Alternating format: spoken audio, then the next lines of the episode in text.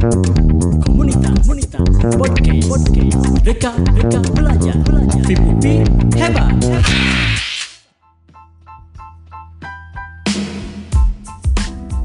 Bismillahirrahmanirrahim. Assalamualaikum warahmatullahi wabarakatuh. Selamat berjumpa mahasiswa di mana pun Anda berada.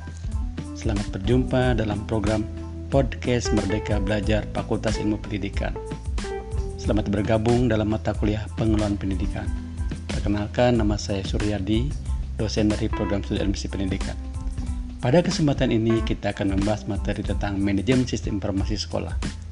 Adapun rencana pembelajaran materi ini diharapkan Anda dapat memahami tentang pengertian manajemen informasi manajemen sekolah, komponen-komponen sistem informasi sekolah, dan manfaat manajemen sistem informasi sekolah.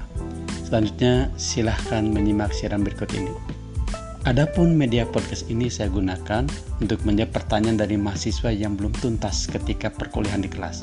Untuk itu, saya ucapkan terima kasih kepada rekan-rekan mahasiswa yang telah menyampaikan pertanyaan.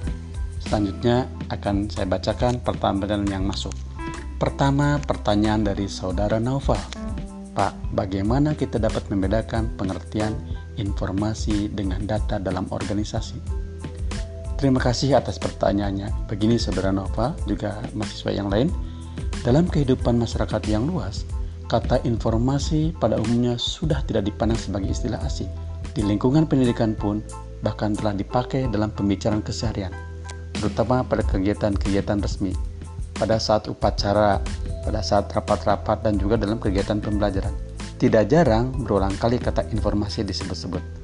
Dalam pembicaraan umum tersebut, para pembicara sering memaksudkannya sebagai berita atau keterangan yang ada kalanya diidentikan dengan data. Data memang mempunyai kaitan erat dengan informasi dan bisa pula terjadi suatu hal yang sama dikatakan data dan juga dikatakan informasi. Hal ini tergantung dari sudut mana memandangnya.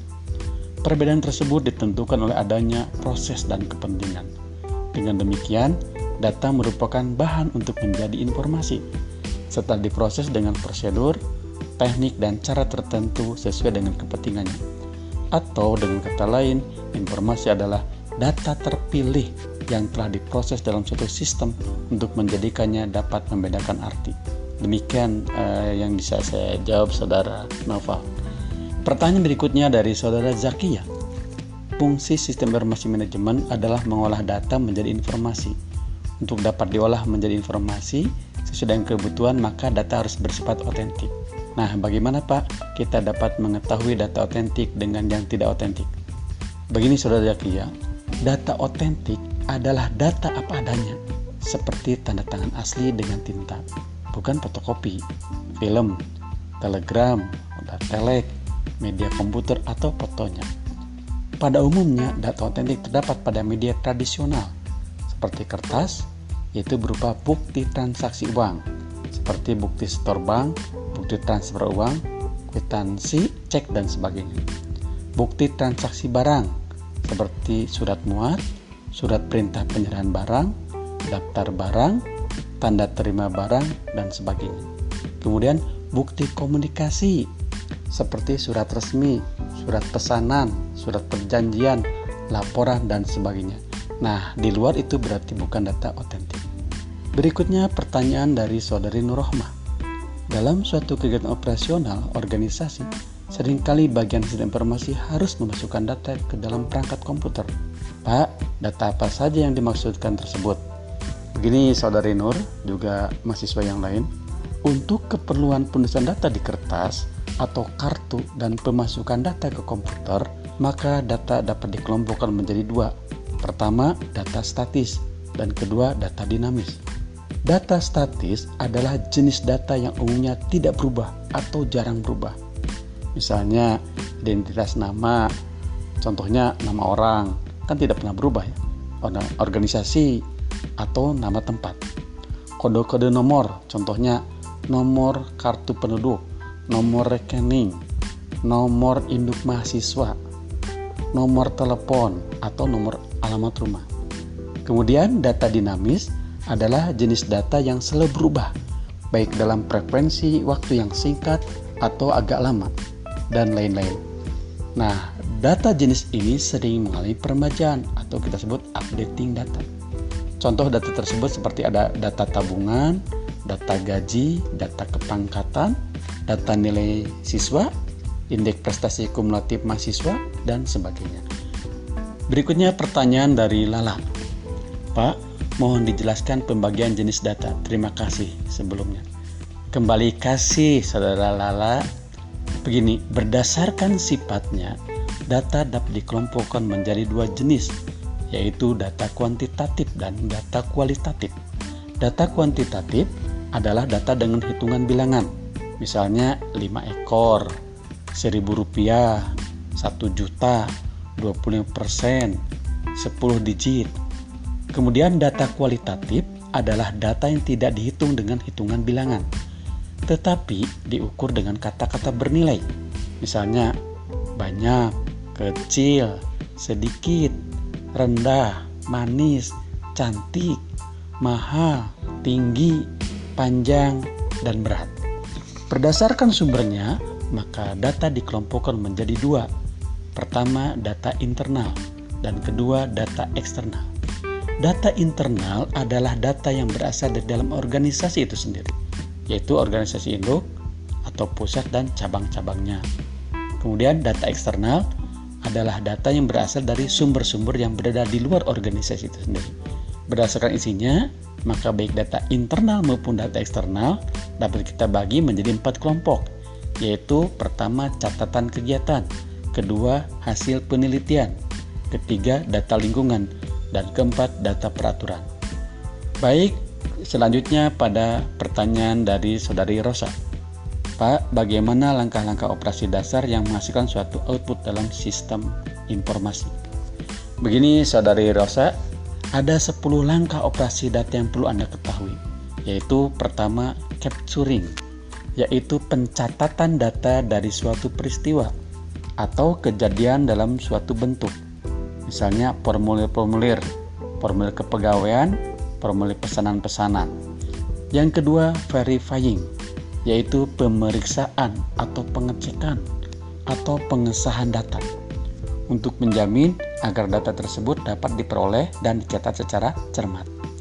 Yang ketiga, classifying, yaitu menempatkan unsur-unsur data dalam kategori-kategori khusus yang memberikan arti bagi si pemakai. Yang keempat, penyortiran, yaitu menempatkan unsur-unsur data dalam suatu rangkaian urutan khusus atau rangkaian telah ditentukan sebelumnya. Kemudian nomor 5 summarizing yaitu menggabungkan atau mengumpulkan unsur-unsur data dalam salah satu dari dua cara. Misalnya, pertama secara matematika, kemudian mengurangi secara logika. Yang keenam, calculating, yaitu penanganan data secara ilmu hitung atau logika.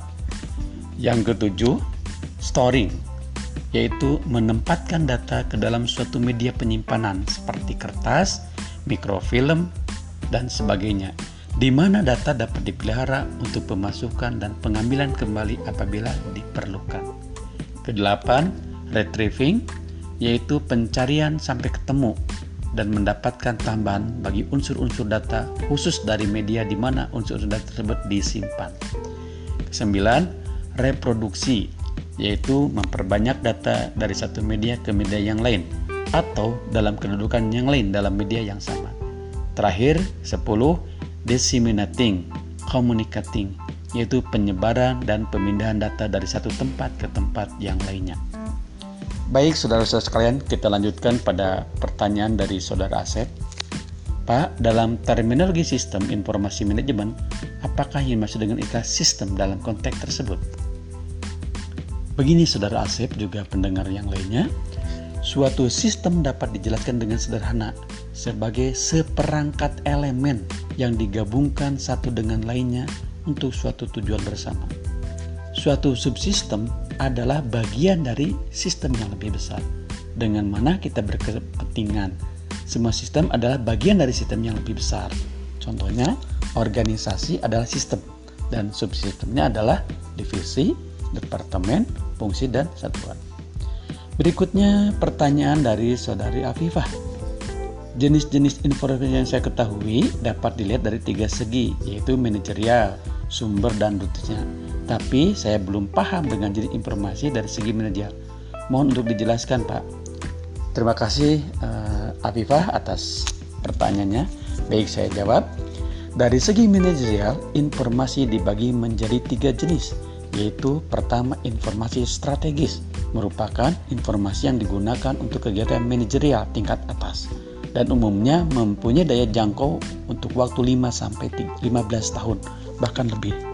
Kedua, informasi taktis digunakan untuk manajerial tingkat menengah pada umumnya dengan jangkau satu tahun. Dan yang ketiga, informasi operasional merupakan informasi yang digunakan oleh kegiatan manajerial tingkat bawah dan pada umumnya mempunyai daya jangkau dalam hitungan pendek, misalnya untuk beberapa hari. Demikian Saudara Afifah, Semoga dapat dipahami.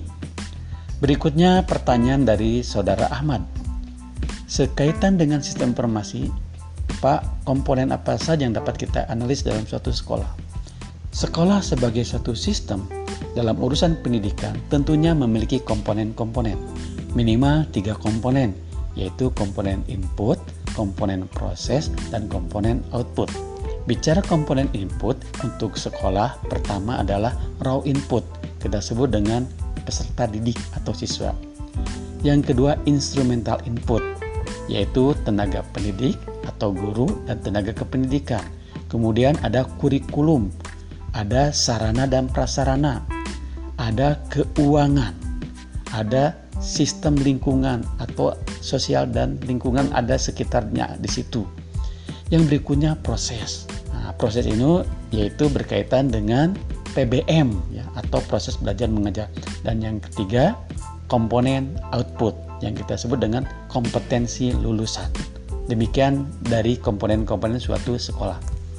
Berikutnya pertanyaan dari saudara Alia. Apa manfaat dikelolanya dengan baik pengembangan sistem informasi di sekolah, Pak? Begini, saudara Alia, banyak manfaat yang dapat dipetik oleh organisasi seperti sekolah dengan pengembangan sistem informasi yang pertama antara lain integrasi data dan informasi. Yang kedua, sistem pengorganisasian data. Yang ketiga, meningkatkan kecepatan dan keakuratan atau penyusunan laporan manajerial. Yang keempat, meningkatkan kualitas produk dan kecepatan layanan. Dan yang kelima, meningkatkan citra organisasi. Kemudian pertanyaan terakhir dari Saudara Abu, dalam bidang pendidikan secara khusus, pengembangan teknologi informasi digunakan untuk apa saja Pak? Saudara Abu, ada 10 yang bisa kita garap dalam bidang pendidikan ini. Tetapi dikaitkan dengan teknologi informasi, kita lihat ada beberapa manfaat yang utama. Yang pertama, knowledge management tools. Yang kedua, learning tool. Yang ketiga, business management tools. Yang keempat, analysis calculating tools. Demikianlah, saudara-saudara, penjelasan mengenai pengertian manajemen sistem informasi sekolah sekaitan dengan pengertiannya, komponen, dan manfaat bagi dunia pendidikan. Dari beberapa pertanyaan yang dibahas pada pertemuan kali ini, semoga dapat lebih meningkatkan pemahaman saudara yang bertanya juga pada pendengar lainnya.